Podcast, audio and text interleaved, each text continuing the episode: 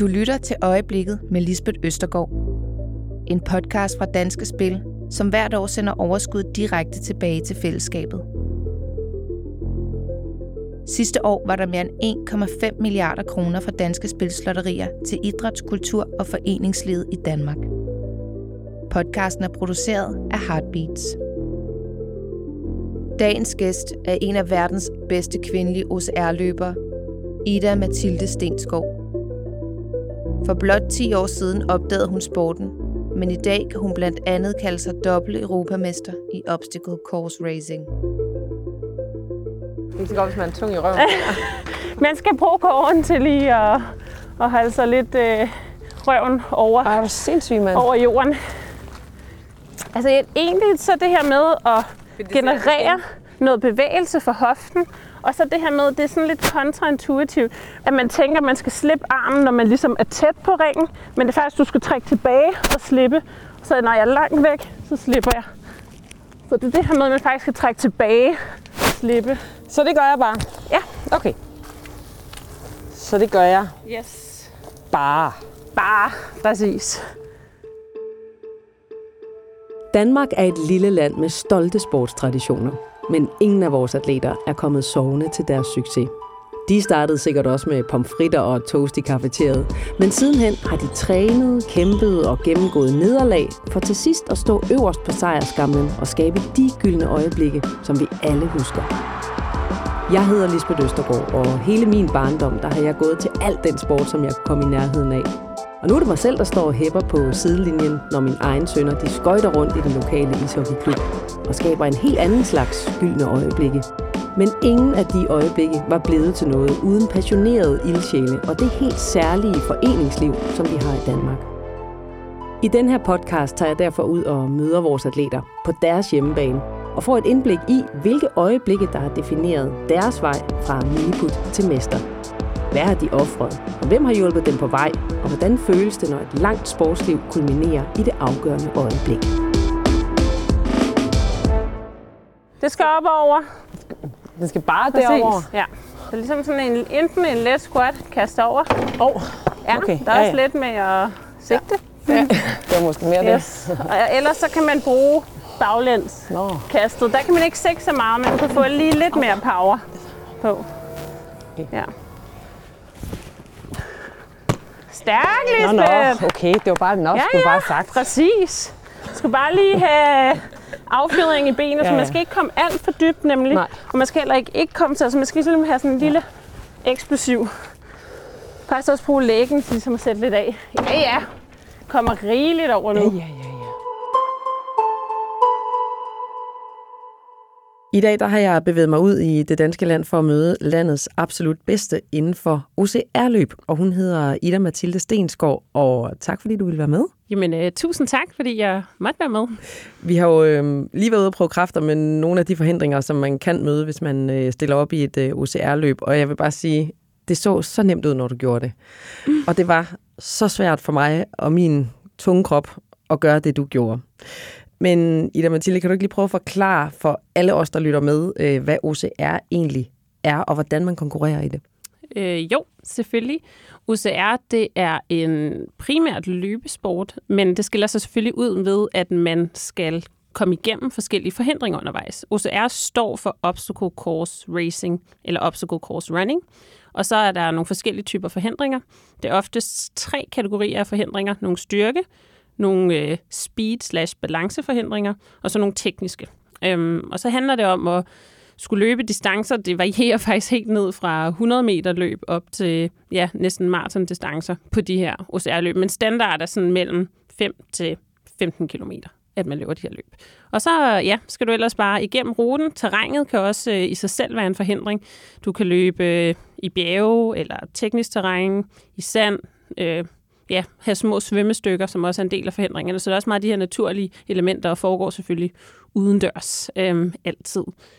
Så øhm, ja, og hvad kan man sige, hvad er de her forhindringer? Der er noget styrke, som jeg nævner som en af dem. Det er sådan noget med for eksempel øh, at løfte nogle tunge sten, eller løbe for eksempel med en træstamme, eller en sandsæk, eller en jernkæde. Så det her med sådan noget, der kræver noget power output. Det kan også være noget med at skubbe noget tungt, trække noget tungt Det er højt op. rough.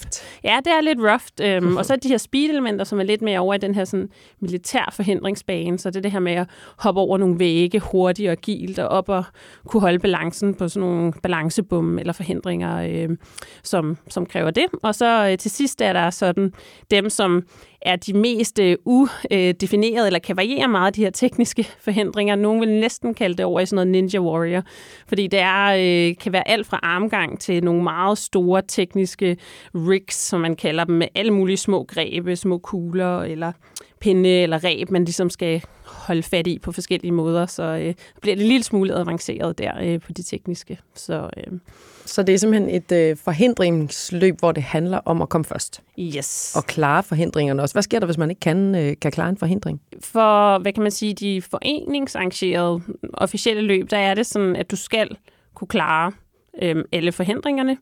Og du får simpelthen sådan en armbånd på til at starte med, så hvis du løber i sådan den kompetitive række, øhm, og gerne vil konkurrere for det, så får du et armbånd på, og den er ligesom, øh, hvad kan man sige, viser, om du har klaret den. Så kommer du hen til en forhindring. Du har fået en regelbog inden, hvordan forhindringen skal klares, hvad du må, hvad du ikke må. Må du bruge arme, må du bruge ben? øh, hvad må du ikke røre ved af grebene? Der kan være mange øh, regler øh, på de forskellige forhindringer, som der er beskrevet i regelbogen. Og hvis du ikke kan klare det, så får du klippet det her armbånd. Du har altid uendelige forsøg på forhindringen, så du kan godt falde ned og så starte forfra. Men det tager jo bare tid. Ja, men det tager tid, og du skal ligesom kunne komme igennem, og du bliver selvfølgelig også mere og mere træt, øh, jo flere gange du skal prøve forhindring igen, og frustreret. Der kan være mange elementer der. Øhm, men det har også nogle åbne heats, så hvad kan man sige, folk, der løber efterfølgende, og der er der ofte sådan noget strafrunder, så det vil sige, så skulle du løbe et ekstra løbestykke, hvis du ikke kan klare en forhindring. Så der er også sådan lidt forskellige elementer af det, men konkurrerer du, så skal du kunne komme igennem alt. Jeg har jo øh, engang faktisk løbet et par af de her OCR-løb her. Ja. Og jeg vil ikke kunne komme igennem øh, eller over ting. Altså, der er jo sådan noget, den irske bænk og nogle andre høje forhindringer, man skulle hen over. Hvis der ikke var nogen, der havde givet mig en hestesko der, så var jeg der aldrig kommet over. Men Nej. dem skal I jo selv komme over. Yes. Ja, det er så Ja. lidt vildt. I øh, det her program, der har vi jo oftest øh, gæster med, som øh, har øvet sig på deres sport, simpelthen siden de var øh, børn, eller de måske har haft forældre, der har dyrket den her sport, så de er vokset ind i en, øh, en sportsgren. Men øh, jeg kan godt afsløre, at det måske ikke sådan helt er tilfældet for dig, fordi så mange år har du jo heller ikke øh, dyrket OCR. Hvordan, øh, hvordan kom du ind i den her OCR-verden?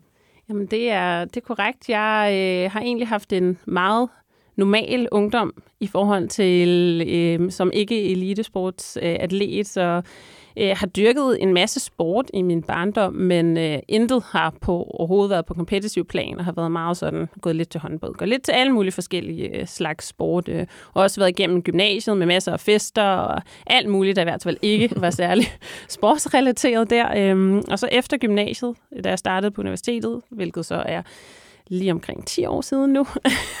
Tiden går. Ja. Øhm, der fandt jeg så OCR-løb, og det var egentlig i forbindelse med et træningscenter, som jeg trænede i. Øh, faktisk måske lidt, fordi jeg følte, der var gået lidt for meget fest og farver i den, så nu skulle jeg i form, og så fandt jeg det her lille, meget unikke træningscenter, der lå på Amager dengang, der var ejet af nogle islændinge. Øhm, og islændinge, det er altså nogle ret hardcore mennesker, vil jeg sige. Vi er også øh, seje i Danmark, men altså, de er bygget af noget særligt deroppe, så det var noget med at løb rundt med nogle sandsække, som de havde sådan, det var egentlig bare noget gaffetape rundt om nogle forskellige sandsække i nogle vægte, og så løb vi rundt med dem og lavede en mulig øvelser og træning. Og det var ret sådan intenst i en time, men gav den fuld gas, øh, og vi besluttede os så for, øh, hvad kan man sige, nogen fra gymmet der, at tage ud og så løbe sådan et her OCR-løb. Og jeg synes jo, det lød lidt crazy øh, første gang, jeg hørte og blev ringet op og spurgt. Så er sådan noget med, at man skal hoppe ud for 5 meter ned i vandet, og så skal man kravle igennem øh, en masse mudder, og så skal man under pigtrådshegn, og der, der var alle mulige sindssyge historier om, hvad det var, så jeg var- lå jo nærmest søvnløs inden min første øh, OCR-løb, som så var i 2013. Mm. Men øh, det var jo faktisk helt vildt sjovt. Øh, jeg havde lavet en masse sådan almindelige løb op til, men det her med, der sådan skete noget undervejs, tror jeg godt kunne lide. Det ikke kun var at løbe. Jeg var egentlig glad for at løbe, men sådan, det her med, der rent faktisk sådan, var en masse oplevelser og udfordringer undervejs, det, det tiltalte mig rigtig meget. Hvordan, øh, hvordan oplevede du så dit første løb? Jamen, jeg oplevede mit første løb som sjovt og også grænseoverskridende. Øhm, der var jo mange ting, hvor at jeg ikke anede, hvad jeg skulle, da jeg kom hen. For eksempel første gang, jeg skulle prøve et rope climb. Altså, jeg stod bare og kiggede på det ræb og var tænkte, altså, hvordan skal jeg komme op til den klokke, der hænger tre meter oppe? Det er jo virker jo helt øh, ja, absurd. Øh, men det handler også meget om teknik på mange af de her forhindringer. Så da jeg ligesom havde stået lidt og havde en kammerat, der kunne vise, at hvis du låser med dine fødder på den her måde, så var det lige pludselig ikke så meget min arm, jeg skulle bruge med mine fødder. Så det her med også sådan at få nogle sådan oplevelser undervejs med, okay, der er faktisk noget teknik her, jeg kan blive god til øh, at gøre det hele nemmere. Så, øh, ja, så det, var en, det var en fed oplevelse, det var grænseoverskridende, men da jeg kom hjem, så sad jeg ligesom med følelsen af, at jeg havde oplevet en, en hel masse ting og havde udfordret mig selv, i hvert fald på parametre, jeg ikke har prøvet før, sådan mentalt, øh, men også selvfølgelig fysisk, med at kunne komme igennem. Så sådan, der var også mange minder at tænke tilbage på. Sådan, jeg hoppet over en væg, jeg har klatret op i et ræb, jeg har løftet. Altså, der var sådan mange øh, lidt seje ting, hvor jeg tænkte, sådan, det var alligevel øh, lidt noget andet, end, end at løbe 10 km på tid. Men hvor går man så hen, når man gerne ligesom vil dyrke OCR? Fordi man kan gå til fodbold tirsdag og torsdag, der er en træner, der står og venter på en. Reglerne er defineret, og, og det hele er sådan mere i, i, i kasser og rammer. Hvad gjorde du? Jamen, det var netop også det, der var noget af det sådan lidt svære i starten, fordi at øh, der står jo ikke lige sådan forhindringsbaner øh, rundt omkring, så det var noget med sådan at være meget kreativ i sin træning. Øh, jeg brugte meget generelt sådan fitnesscenter, fordi så kunne man løbe, og så kunne man gå ind, og så kunne man gå i gang med at lave en øvelse, om det så var tage fem pull-ups eller tage 10 armbøjninger, men det her med elementet mellem at skifte mellem løb og lave en forhindring eller en sådan fysisk øvelse, simulerede meget godt, hvad man egentlig skulle til det her løb. Øh, begyndte at arbejde med en træner, som stadig er min træner i dag i 2016. Øhm, og han var også rigtig god til ligesom at hjælpe med at være lidt kreativ omkring, hvordan vi ligesom bedst kunne komme så tæt på, hvad der mindede om løbende nu, når man ikke har banerne til rådighed. Og så var det også noget med at kigge på andre sportsgrene, som på en eller anden måde minder lidt om OCR, fordi verden ja, kan være ret tæt på. Der er også meget for sådan klatring og bouldering, det her med overkropsstyrke og teknisk. Der er også lidt for sådan noget parkour, øh, gymnastics øvelser, så det er også noget med at prøve at tage lidt øh, of øh, de bedste dele fra andre sportsgrene, og så ligesom sådan putte det ind i et træningssetup. Og det var han så med til at gøre, din øh, træner yes. Johansson. Johansen. Yes, Thomas. Thomas, som, øh, Ja. som, du, som du stadigvæk har. Ja. Hvor stor en betydning har han haft for dig fra at gå til, at nå, det sådan har været på hobbyplan, til at du i dag er nærmest prof?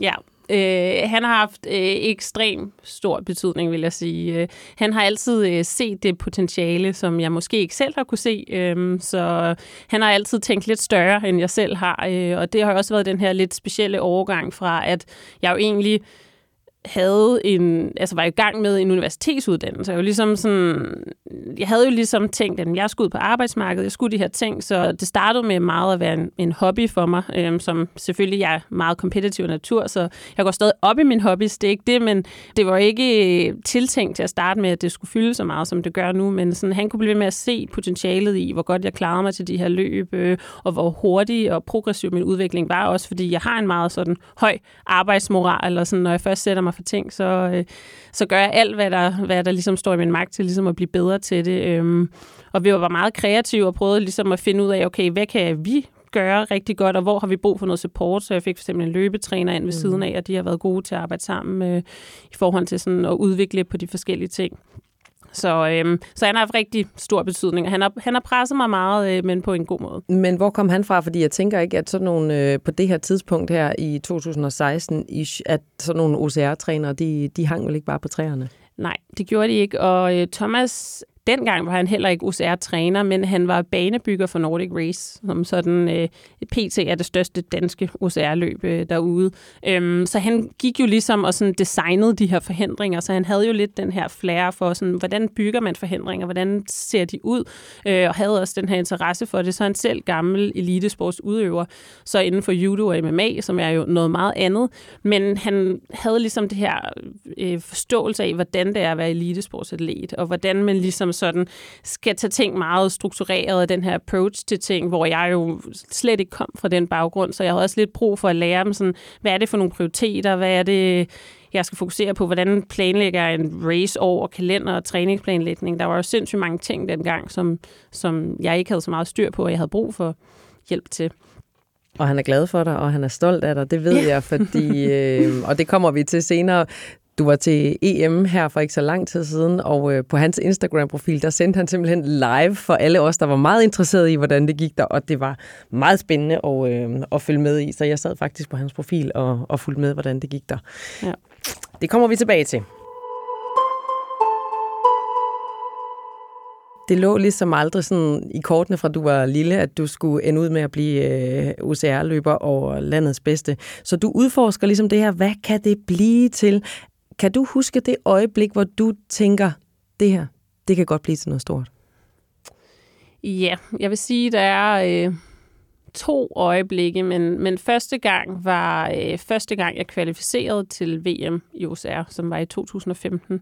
Og jeg kvalificerede cirka halvanden måned inden selve VM blev afholdt. Og jeg var mega meget dilemma, om jeg skulle tage afsted eller ej, for jeg følte også lidt, det var sådan once in a lifetime opportunity, men jeg var også sådan, jeg overhovedet klar til det her, øh, og det var i USA, og der skulle et par andre danskere afsted, men det var meget få. Øhm, så øhm, jeg ender så med at gøre det, tage afsted, tage ned. Øh, dengang der konkurrerede jeg i aldersgrupper, for det er sådan, du kan konkurrere i aldersgrupper, eller så kan du konkurrere i den professionelle række. Og den professionelle række er selvfølgelig der, man anser som, hvad kan man sige, være den ægte verdensmestertitel, hvis man vinder den. Men aldersgrupperne er bestemt heller ikke undervurderet og har også rigtig høj konkurrence. Så det var den, jeg deltog i, og der var det i aldersgruppen 18-24, der tilbage i 2015. Og jeg havde egentlig ikke super store forventninger, der tog ned, fordi jeg jo havde kvalificeret så kort tid inden. Øhm, og kommer ned til det her 21 km lange løb med en masse højdemeter og sindssygt mange forhindringer i USA. Øh, og sådan lille smule alene med en lille gruppe andre danskere, og alle de andre nationaliteter har fælles øh, nationaldragter og sådan noget. Vi havde jo kommet der med vores enkelte sponsortryk af, af små ting og sådan noget. Vi var, sådan, vi, vi var lidt øh, en lille gruppe i forhold til andre, men jeg går så hen og vinder aldersgruppen i 18-24, hvilket øh, sådan dengang var den bedste danske, danske præcision, der nogensinde havde været. Så øh, vi var jo meget øh, op at køre, også få danskere, der var afsted over, at, øh, hvad kan man sige, at jeg klarede det så godt og havde rigtig godt support også fra dem af allerede tidligt. Altså, hvor meget kom det bag på dig selv, at jamen, du går hen og vinder det der? det lyder det, jo helt vildt. Det kom totalt bag på mig. Det var, altså, det var, virkelig, det var virkelig en surrealistisk følelse, også fordi, at... Øhm,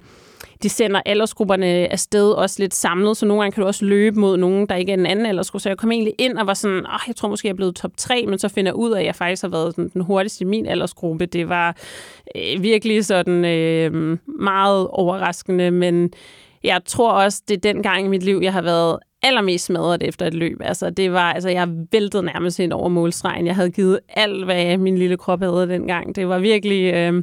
Så jeg tror også, den der blanding mellem at klare det så godt, men også bare kunne mærke den der virkelig kompetitive øh, del af mig, som ligesom lige så stille var begyndt at blomstre frem. Jeg har godt vidst, den altid har været der, men sådan at den måde, jeg virkelig bare kan gå all in, når jeg konkurrerer, og jeg bliver sådan nærmest et helt andet menneske. Så øh, ja, der, der sker noget der, så det, det var også ret interessant øh, at opleve det, øh, fordi det betød så meget for mig, og også bare sådan kunne fornemme bagefter, hvor, hvor meget det betød for mig, var bare sådan, det her, det, det er noget, jeg, jeg bliver simpelthen nødt til at forfølge, fordi at der arbejdede, eller var jeg stadig i gang med til undervisning på universitetet, og lavede en masse andre ting, så det fyldte egentlig ikke så meget. Øh, det var sådan, hvad kan man sige, seriøs hobbyplan, øh, men at jeg så kunne gå hen og vinde en aldersgruppe der, var jo virkelig overvældende. Så jeg tænkte, det bliver vi nødt til at se, hvad, hvor det kan føre hen. Altså kan du huske det øjeblik, hvor du står på sejrskamlen allerøverst, eller var du simpelthen for smadret til at kan huske Nej, det? Nej, jeg kan huske det så godt, fordi jeg var simpelthen så glad, at øh, jeg blev båret ud af to af de andre danskere med min store, flotte check og min øh, medalje på, og jeg var simpelthen så glad, at jeg, det lykkedes mig at efterlade min taske med alle mine ting på race køre hjem i bilen, og næste dag er den bare væk. Så jeg mistede jo, jeg ved ikke, hvor mange ting derude på race for jeg simpelthen bare var i sådan en lykkebobbelros, blev ført ud der af min øh, søde øh, der andre danske medatleter. Så det var, altså, jeg var virkelig, jeg var sindssygt glad. Øh. Så øh, det, det var ret sjovt, så det lykkedes mig bare at glemme alt andet, som jeg ejede. Det var lige meget. Jeg havde bare guldmedaljen, så skulle det nok gå. Når man så vinder sådan VM, og det er det første, man er til, altså nu ved jeg godt, VM er jo noget af det største, man kan vinde, men mm. hvad begynder man så at drømme om?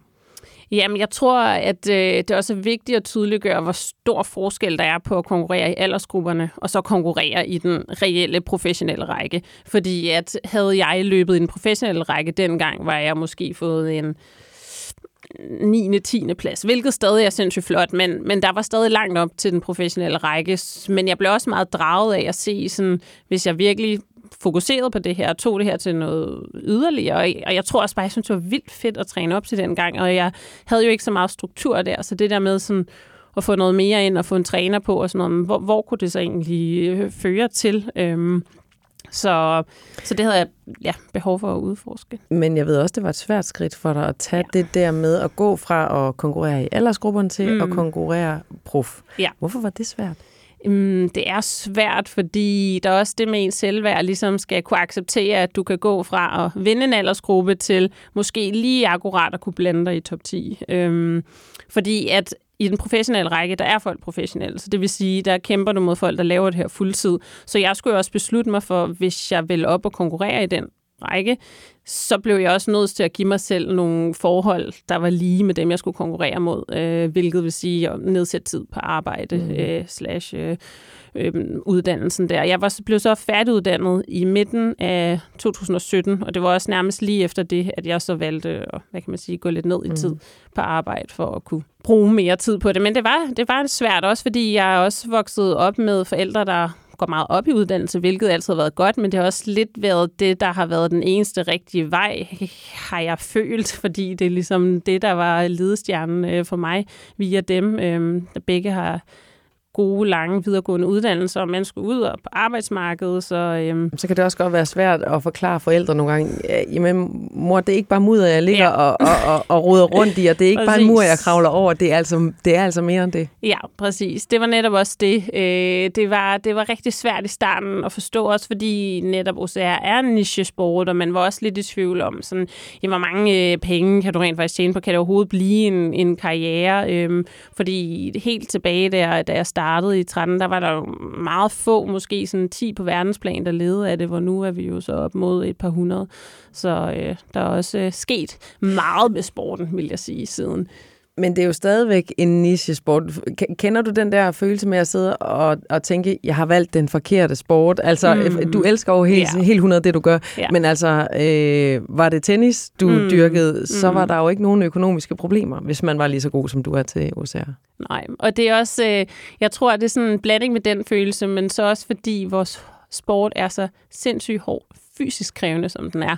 Altså, det er virkelig mange timers træning, men også skal ligge i det. Der er mange aspekter. Det er virkelig sådan, jeg ser det lidt som den, en af de sportsgrene, som virkelig kræver, at du er en meget komplet atlet, fordi du både skal være sindssygt stærk, du skal have et rigtig stærkt mindset, du skal have noget af en motor for lunger, fordi at du skal kunne løbe og kunne klare ting med virkelig høj puls, du skal have balance, der er, altså der, der er rigtig mange elementer i det. Øhm, som, som gør sporten jo helt vildt fed, men også svær at træne op til, fordi der er så mange øh, forskellige aspekter. Man skal hele tiden skrue op og ned for de forskellige øh, dele for at, at, at holde sig god. Øhm, og man drømmer jo selvfølgelig om, at sporten kan komme i OL, øhm, og, og det forsøger de også på, men det er også svært med en meget ustandardiseret sport, for det er også lidt af det, der er en del af charmen ved OCR. Det er jo, der alle mulige forskellige forhindringer. Folk kan finde på alle mulige sjove ting, de kan smide øh, efter en af forhindringer. Så altså, jeg har da været meget... ude til noget, hvor der både er ild og strøm. Og, Præcis. Altså, altså der, er, der er næsten ikke det. Der er også store vandrutsjebaner i nogle af dem. Og, altså, så det er også en sport, som også har været meget sådan sjov og skulle være lidt anderledes end det her med at løbe. Så der er også sådan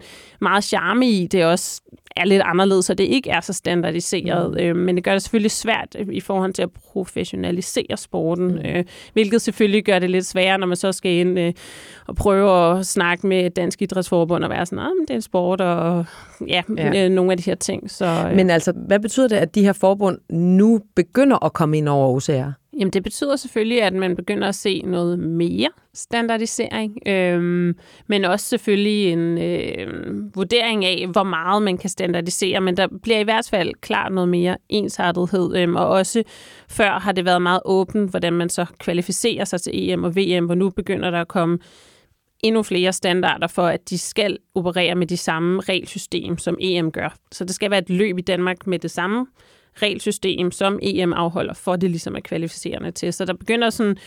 Øhm, der, man, der kommer lidt skub i sporten. Ja, der kommer lidt skub i sporten, og der kommer måske også lidt mere fokus på at få de rigtige kvalificerede til EM. Og det er ikke fordi, jeg siger, at, at, at men det har måske været lidt lettere før i tiden at få de her kvalifikationer, hvor nu kommer der måske sådan, nu udvælger man rent faktisk dem, som virkelig sådan er på, på det lidt højere niveau, sådan så ikke er top 10, der kvalificerer man, men ligesom har lidt færre. Så man kan øhm, godt mærke, at det går fra, fra hobby-niveau til, at det bliver mere Yes. rigtig, en rigtig Ja, sportsgren. præcis. Det Ja. ja. kan man. Man kan også mærke, at de begynder, fordi nu har vi jo også næste år det første foreningsarrangerede verdensmesterskab, hvor før har det egentlig været en privat løbsarrangør, som har været uafhængig af de andre, øh, men som ligesom har været dem, der har stået for at afholde et VM fordi det er lidt svært, når man har haft den her sport, som jo har startet meget privat, øhm, med nogle private løbsarrangører, som selvfølgelig har tjent nogle penge på at afholde de her løb. Og nu skal man ligesom prøve at finde ud af, okay, men hvordan får vi det standardiseret? Hvordan får vi det gjort, øhm, hvad kan man sige, til noget, der passer tilpas ned en æske, men selvfølgelig ikke kvæler sporten.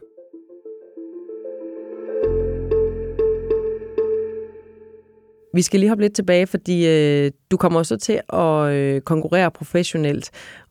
Og jeg kan sådan lidt forstå, at du stadigvæk ikke helt tror på, at du er god nok til det her, men på et tidspunkt må det jo ændre sig, og du må føle dig velkommen i den række. Hvornår øh, gør du det, og hvad er det, der sker? Ja, så skal vi nok hen til 2018, øh, hvor at jeg skal deltage i VM. Og fordi jeg har været på udveksling i 2017, så var jeg ligesom ude fra deltagelse slash kvalificering til VM i et år.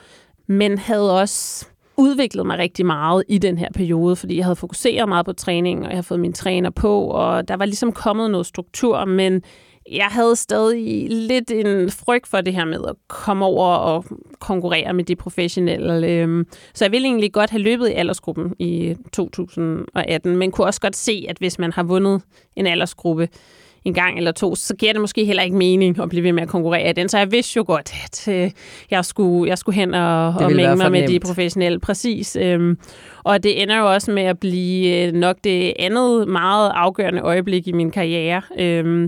Fordi at det, det VM, som egentlig, det var så øhm, den lange distance, så det er 15 km distancen, som faktisk ikke normalt er min ekspertise distance. Jeg er egentlig lidt mere til de kortere løb, så der er short course, som er 3 km, og så er der standard, der er 15. Øh, Det er ligesom de to distancer, man konkurrerer i til de her EM- og VM-arrangerede løb. Øhm, men øh, det ender med at gå helt sindssygt godt. Jeg starter egentlig langt bagud i 15 km løbet, men får ligesom indhentet mig på folk undervejs og ender med at slutte som nummer to i den professionelle række i 2018 ved øh, nærmest øh, en beslutning om ikke at deltage der. Så det, øh, eller deltage i aldersgruppen, og det havde været helt håbløst, hvis jeg havde kunne se, at min tid havde kunne svare til en anden plads. Ikke? Så det var virkelig godt, at jeg øh, fik øh, besked på fra min træner, at det, det var jeg klar til. det er jo det, man nogle gange åbenbart har brug for, at, øh, at nogen tager den beslutning for en. Så øh, det var helt sindssygt. Altså, der, det tror jeg også er en af de løb, jeg har grædt mest efter, fordi jeg simpelthen ikke kunne forstå. Altså, stod op på podieskamlen der og var bare fuldstændig... Øh, Jeg var sådan lidt, hvad skete altså, der de lige? troede jo nærmest, at jeg var ked af det, men det var jeg jo ikke. Jeg var bare simpelthen, øh, kunne simpelthen ikke forstå det. Det var helt sindssygt. Og det var så også første gang, at der har været en dansker på podiet i den professionelle række Mm. Til et verdensmesterskab. Så det var også igen, øh, ja, det, det var et meget specielt øjeblik. Er du generelt ikke særlig god til at stole på dig selv? Det er sjovt for øh, både sådan ja og nej. Øh, jeg tror, øh, fordi jeg også er lidt perfektionist, så vil jeg gerne være sikker på, at jeg er rigtig god til ting, men jeg er også typen, der også er god til sådan, jamen det kan jeg sagtens, og så prøver jeg at kaste mod det. Nå, det kunne jeg så ikke. Nå, men så øh, prøver jeg igen, men sådan, Ja, men jeg tror også, hmm, det handlede om det her med, at jeg nok stadig arbejdede, eller stadig brugte tid på noget andet, så det var også sådan svært for mig at tænke, hvordan kan jeg blive lige så god som de andre, hvis jeg ikke træner lige så meget som de andre? Altså sådan, eller hvis jeg ikke afsætter ordentlig tid til restitution og søvn, men jeg optimerede jo alt, hvad jeg kunne med de timer, jeg så havde til rådighed. Øhm, så det er også det, som sådan dem, der er tæt på mig omkring min familie, siger, at du har jo taget det som en professionel atlet i lang tid, men så har du haft lidt arbejde ved siden af, ja, men sådan, du har gjort alle de andre ting rigtigt. Du har bare haft lidt færre, færre timer i døgnet til ligesom at få tingene til at lykkes. Øhm, så Men det Ja. lykkedes alligevel at Det ende op på det. podiet. yes. Jeg tror efterhånden, at øh, folk de nu godt ved, at du er hammer, hammerdygtig til det her. Du har mange øh, pokaler og medaljer hjemme i, øh, hjemme i skabet. Ja. Øhm, jeg vil godt prøve sådan at fortælle, hvordan sådan en uge ser ud for dig, eller en dag, eller altså, hvordan er livet som OCR-løber? Men jeg tænker, de fleste af os ved, hvordan det er for en fodboldspiller måske, eller kan forestille os det. Men mm. hvordan er det for dig? Jamen, det er egentlig sådan en lille smule stressende, for at være helt ærlig. Øhm, der er mange ting, der skal planlægges. Jeg er jo ikke en del af et øh, team på den måde, så alt, hvad der hedder træningsplanlægning, jeg har selvfølgelig min træner til at hjælpe mig med det, men så er der også alt beslutning med, hvordan skal min racekalender se ud? Hvad for nogle løb skal jeg deltage i? Alt, hvad der handler om at booke øh, bil, hotel, fly, øh, transport, hvordan kommer man ud til at race site, hvad hvor er der et sted, jeg kan træne inden, eller har jeg brug for, altså hele den sådan planlægningsdel står jeg også, hvad kan man sige, selv for. Og så er der selvfølgelig også alt arbejdet i at skaffe støtte. Øhm, for det er jo heller ikke billigt, når man skal løbe 20-25 løb om året, og 20 af dem er i udlandet. Så koster det jo også en del, og jeg tager meget til Nordamerika, fordi det der konkurrencen er hårdest, og jeg bliver også nødt til at race efter konkurrence, hvis jeg vil være den bedste. Øhm, så øh, jeg er nået til et punkt i min karriere, hvor jeg også nogle gange jagter nogle af mine hårde konkurrenter mm. til løbende, fordi så har jeg en mere reelt billede på, når vi så står ved startstregen til VM, hvor ligger jeg så henne. Øhm, det er meget godt at ligesom få afmystificeret nogen, som man måske har sat op på en pedestal, og ligesom få racet mod dem tidligt i, i sæsonen. Øhm, det hjælper i hvert fald mig mentalt. Øh, så der er noget, øh, hvad kan man sige, noget, en, selvfølgelig en hel masse træning, øh, der er lagt i schema for mig, som er hovedprioriteten. Så er der så selve rejseplanlægningen og sponsorbehandlingsdelen, og så er der så arbejde, som jeg har 12 timer ved siden af i Novo Nordisk, hvor jeg så får brugt det, som jeg kan af min øh, miljøingeniøruddannelse, som jeg også blev færdig med der i 17. Mm. Men det, det er meget rart at have sådan lige have en lille fod stadig fast på. Jeg tror, jeg opererer bedst med sådan lidt tæt pakket schema. Men jeg ved også, du har det sådan her, jeg er jo ikke kun Ida Mathilde, hende der løber UCR, du er også et menneske, og du mm. er, jeg ved også, du er gift. Altså, mm. hvad, hvad siger din mand til de mange rejsedage og de mange træningstimer, og så har I overhovedet tid til at se hinanden? Jamen, han er selvstændig, så han arbejder også rigtig meget. Ja, så, så det er så dejligt. Nej, men altså, jeg vil sige, øh, jeg føler, at jeg altid har haft en god balance i, at det også er rigtig vigtigt for mig at prioritere familie og min mand og mine venner, fordi sådan, der er heller ikke noget ved at stå på toppen af podiet til sidst, og så er du ikke nogen at fejre det med, fordi du har ikke haft tid til at se dine venner, du har ikke prioriteret den del af det, og det er sådan, det tror jeg også, at det billede, jeg har for mig selv, som det her med, for jeg stadig mangler den her VM-titel, øh, som jeg rigtig gerne vil have på den individuelle distance. Så når jeg ligesom visualiserer mig selv og står deroppe, så er det jo også omgivet af mennesker, der er tæt på mig, mennesker, der har været med fra starten af, og min familie, og også min træner har arbejdet med i mange år. Så det er også sådan... Øh, det er vigtigt for mig at også sådan have fundamentet i orden, hvis man kan sige det sådan, og bruge tid på det her. Øh, med at være sammen, men, men de respekterer jo også og forstår også, at, at det er min arbejde, og det er en del af det, og så nogle gange er der nogle sociale ting, der bliver kottet ud, men så ved de også, når jeg så har lidt off-season, eller har lidt fri, så kommer jeg også rendende, fordi jeg savner folk. Som vi har været inde på før, så har du jo et øh, hav af medaljer og en masse flotte resultater, men hvilket resultat eller hvilken medalje står for dig som det største øjeblik? Det har nok været i år, hvor jeg var til EM, og der blev jeg simpelthen dobbelt europamester. Ja, det synes jeg selv er en ret sej titel. øhm, jeg har jo klaret det godt til VM, men hvad der har været lidt mystisk er, at jeg har klaret det helt absurd dårligt til Europamesterskaberne. Hvilket altid har været lidt sådan en kniv i hjertet, fordi jeg har følt sådan, det er sgu da også mærkeligt, at jeg kan lave gode præstationer til verdensmesterskaberne, men til europamesterskaberne, altså sådan, det burde jo være modsat. Hvad er der øh, gået galt? I mit hoved, men øh, EM er en lille smule, ikke meget, men lidt mere teknisk, så det har lidt mere fokus på de her ninja-forhindringer, mm. øh, hvilket har resulteret i, at jeg et par år i træk simpelthen har DQ'et, som man kalder det. Så det vil sige, at jeg har simpelthen ikke kommet igennem med det her armbånd, for jeg ikke har kunne fuldføre alle forhindringerne. Øhm, og har stået i øh, 19 og genovervejet hele min karriere som OCR-atlet, da jeg havde flået mine hænder så meget op, at sådan, jeg havde næsten ikke noget hud tilbage, og de blødte helt vildt meget. Jeg kunne ikke holde fast i noget, fordi der var så meget øh, blod over det hele. Øh, altså, ja, det, det var en lille smule øh, ekstremt. Og så står jeg der og putter mine hænder ned i jord, for ligesom at prøve at stoppe blodet, for så kunne jeg ikke holde fast i det her greb, og skulle blive ved med at prøve at klare nogle forhindringer. Og det var, det var godt nok lidt et, et lavpunkt, for jeg så desværre måtte diskvalificere i 19. Igen på den korte øh, distance, som jo er den distance, som hovedsageligt er mit mål. Øhm, så det, det, det, den har været hård for mig, så jeg har trænet rigtig meget fokus på det her greb og på de tekniske forhindringer. Øhm, og så øh, har jeg bare haft sådan, nu skal det EM fandme på revanche. øh, og det fik det Ja, så. og det fik det, øh, kan jeg love for. Jeg konkurrerede egentlig hovedsageligt på den korte distance, som jeg så vandt med sådan halvandet minut eller sådan noget. Det var helt sindssygt. Altså, det er og det var, det var den første dag? Ja, det er fuldstændig, altså, hvis man skal være lidt kæp altså, jeg er fuldstændig smadret altså, banen. Altså på tre, tre kilometer kunne være næsten en halvandet minut foran. Det, det ser man ikke. Det er vanvittigt. Det er, det er meget, øh, meget ekstraordinært. Øhm, for lige at rose sig selv lidt. Ja. Det skal man jo lære at arbejde på. Øhm, og så løb jeg 15'eren dagen efter, og der var jeg jo øh, helt i syvende himmel og sindssygt glad, og jeg kom bare med et stort smil og slet ikke øh, fuldstændig øh, nævevrag som dagen inden. Hvor du jeg havde jo vundet det, du jeg gik efter. Jeg havde vundet det, jeg gik efter, øhm, så jeg løber egentlig ud, og selvfølgelig prøver altid at holde mig i frontgruppen, men vidste også, at det her var noget mere krævende på, hvad kan man sige, terrænløbet, fordi der var en masse højdemeter og meget øh, bjerget terræn med, men øh, for ligesom holdt mig inden for sådan top 5, da vi igennem de første 10 kilometer af løbet, som sådan er den løbedel sværere, og så sådan det sidste var meget forhindringstung. Så jeg, det er også det der med, at man kan også analysere banerne og se, hvor er det, jeg vil kunne klare mig bedst, og jeg klarer mig oftest godt, hvor der sådan er mange forhindringer, øh, hvor det ligger rigtig tæt.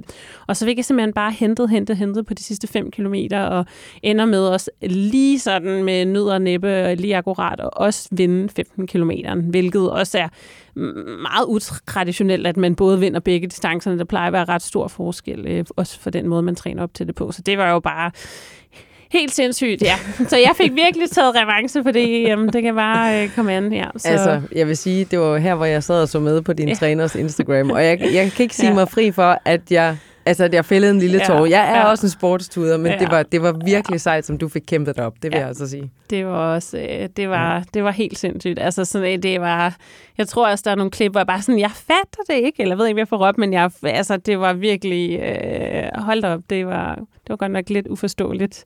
Det øh, var godt nok en god weekend. Så, øh, en god dag på kontoret. Ja, præcis. Ja. Det, øhm, hvis det her står som det største øjeblik, jeg ved ikke, om det var det, det værste eller det laveste øjeblik, det som du er ved at forklare før, for det lød godt nok ikke rart, at man mm. ikke lige kan se ud over, at når man står og stopper øh, ja. blødende hænder, ja. og altså prøver at putte ja. dem ned i jorden, det må, altså, ja. der må være noget, nogen eller noget, der også siger, at det er ja. simpelthen ikke det værd lige nu. Nej, altså. og jeg var også sådan, altså, det, jeg træner jo ikke for sådan, at jeg skulle udholde smerte, du ved, sådan, det var sådan, det var lidt en underlig sådan, øh, måde, man skulle komme ud over det på, ja. øhm, så det var selvfølgelig et low point for mig. Men der kommer jo de her mm, low points når man racer og når man konkurrerer, og selvom alle er sindssygt dygtige, så har man jo gode og dårlige dage. Øhm, og jeg havde også en hård mental oplevelse til VM i 19, hvor jeg faktisk fører med næsten et minut ned til nummer to, indtil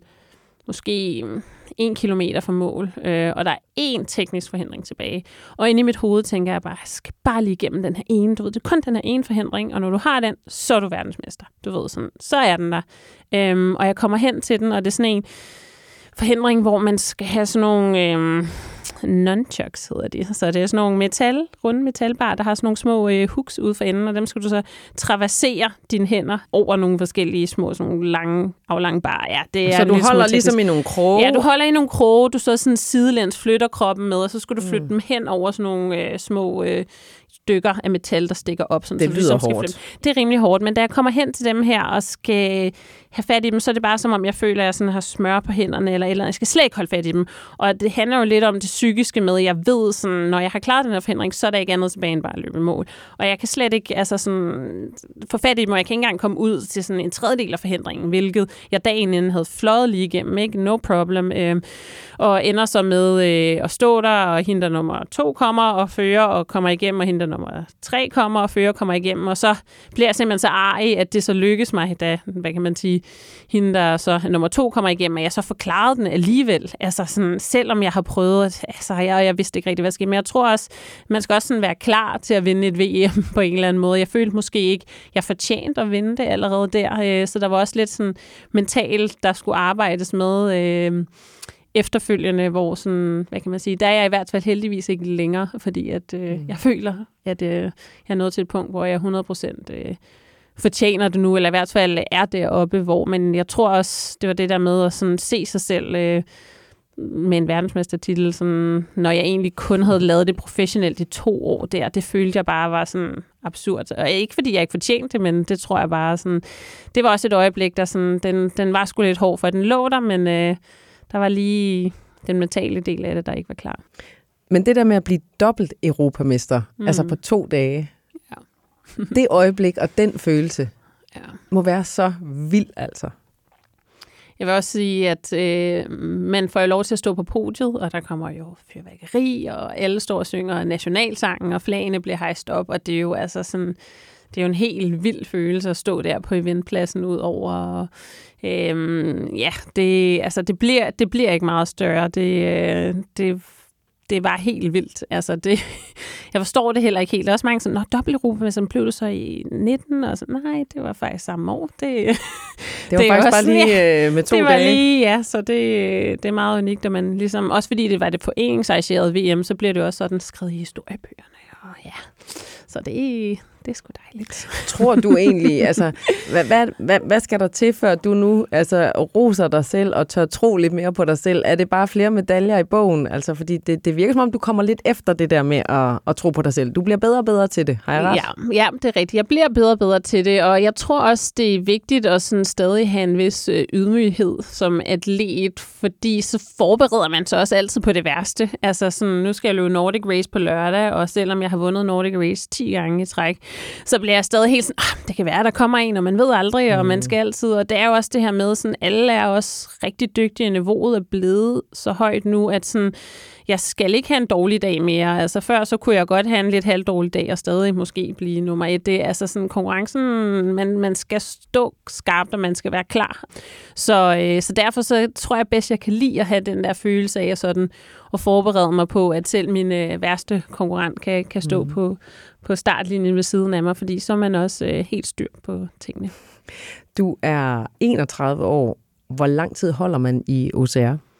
Ja, egentlig så er det lidt sjovt, fordi at dem, der har klaret det bedst af kvinderne generelt, topper faktisk inden for sådan en 28 til 32 års alderen. Altså det er der, man ser folk klare det rigtig godt. Både fordi det er jo en udholdenhedssport, og det her med at opbygge en motor og sådan noget, tager jo mange år. Øhm, og udover det, så er der også øh, selve styrken i det, og løbserfaring. Der er rigtig meget af den mentale del. Øh, det her med, hvis du falder ned for en forhindring og holde hovedet koldt den her måde, man kan ligge og presse hinanden, lige inden man skal i gang med forhindringerne, og sådan den psykiske del af det fylder os meget, fordi man oftest racer meget tæt, og så kan man klare en forhindring, eller en kan misse, og man kan ligge og skifte plads og sådan noget. Så øhm, kapaciteten i hvert fald, at dem man ser har klaret det ret godt. Der var et stort løb i USA for nyligt, hvor at alle dem, der var blevet top 10, øh, var, ja, jeg tror det var mellem 28 og 40 eller sådan noget. Så det var lidt sjovt øh, for kvinderne, hvor at for mændene ser man, det faktisk er sådan lidt yngre.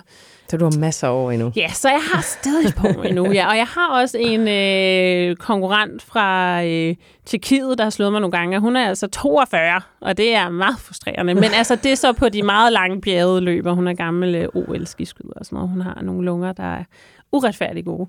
Men øh, sådan er det jo. Må ikke, du tager hende en dag? Ja, og det, det tror jeg. Jamen, jeg har også stået hende til VM og sådan noget. Det er ikke det. Men hun har også taget mig et par gange. Sådan er det jo. Det øh, ja. kan skifte lidt. Hvis vi nu snakker sammen igen om øh, 10 år. Et, hvor er OCR-sporten så henne? Og hvor mm. er, hvor er du henne? Altså, jeg håber virkelig, at OCR-sporten er et sted, hvor at, øh, for det første, at man ikke skal forklare alle, hvad OCR er. Ja. Øhm, det er det der med mange sådan, hvad er lige din sport? Med sådan, folk har lidt svært ved sådan lige at definere og, og forstå øh, 100% hvad det indebærer, hvad det kræver. Så jeg håber, sporten er dertil, hvor at man alle ved sådan i almindeligt tale, hvad OCR er. Jeg håber også, det er noget til et punkt, hvor at man, hvad kan man sige, har flere foreninger end lige nu har vi sådan en i Danmark, men man ligesom har noget foreningsliv, som er mere delt ud over landet, så man har en masse lidt mindre foreninger, så det er lettere at gå til OCR, og det her med sådan at kunne komme ned. Øh, jeg ser jo også øh, øh, når jeg skal have nogle børn øh, med min mand, at sådan, mine børn sådan, vil kunne gå til OCR et sted. Mm. Det kunne være helt vildt fedt, øh, at vi nåede dertil. Og jeg har helt sikkert også tænkt, at jeg også selv øh, kommer til at være mere aktiv i, hvad kan man sige, foreningsdelen og det her med at hjælpe sporten. Øh, når det er, at jeg selv er færdig med at konkurrere. Der er lidt regler i forhold til, hvor meget man må være med ind over, når man ligesom selv konkurrerer, så du ikke gør noget til fordel for dig selv. Mm-hmm. Øhm, men, øh, men der ser jeg helt sikkert mig selv sådan på den måde øh, have OCR tæt inde på livet på en eller anden måde, enten i foreningslivet, men også det her med at give videre af, af al den erfaring, jeg selv har, har opbygget. Jeg synes, det er fedt at arbejde også med med, hvad kan man sige, unge nye talenter, og særligt kvinder, synes jeg er interessant at arbejde med, fordi det er bare en sport, hvor der kan være forskel på, hvordan du træner til den, og forskel på, hvordan du ser mænd og kvinder komme igennem forhindringerne. Fordi at mænd ofte har mere sådan raw bicep power til bare at kunne fyre sig selv igennem ting, hvor man skal sådan være lidt mere teknisk og tænke mm. lidt mere over, hvordan man distribuerer energien. Øhm, og også mentalt være klar til det. Det er sådan, nogle gange kvinder lige lidt det der med bare at kaste hovedløst ud i noget. Der skal, de lige, vi skal lige have styr på det. Vi skal lige være sådan, så også arbejde lidt med den øh, mentale side med sådan og ture og komme ud og konkurrere. Og, Men ja, jeg tænker også det der med, at nu er du jo nærmest øh, første generation af OCR. Altså, mm. man kunne måske godt have siddet og manglet sådan en, en mentor, som har prøvet det hele, og en gavet en i gamet.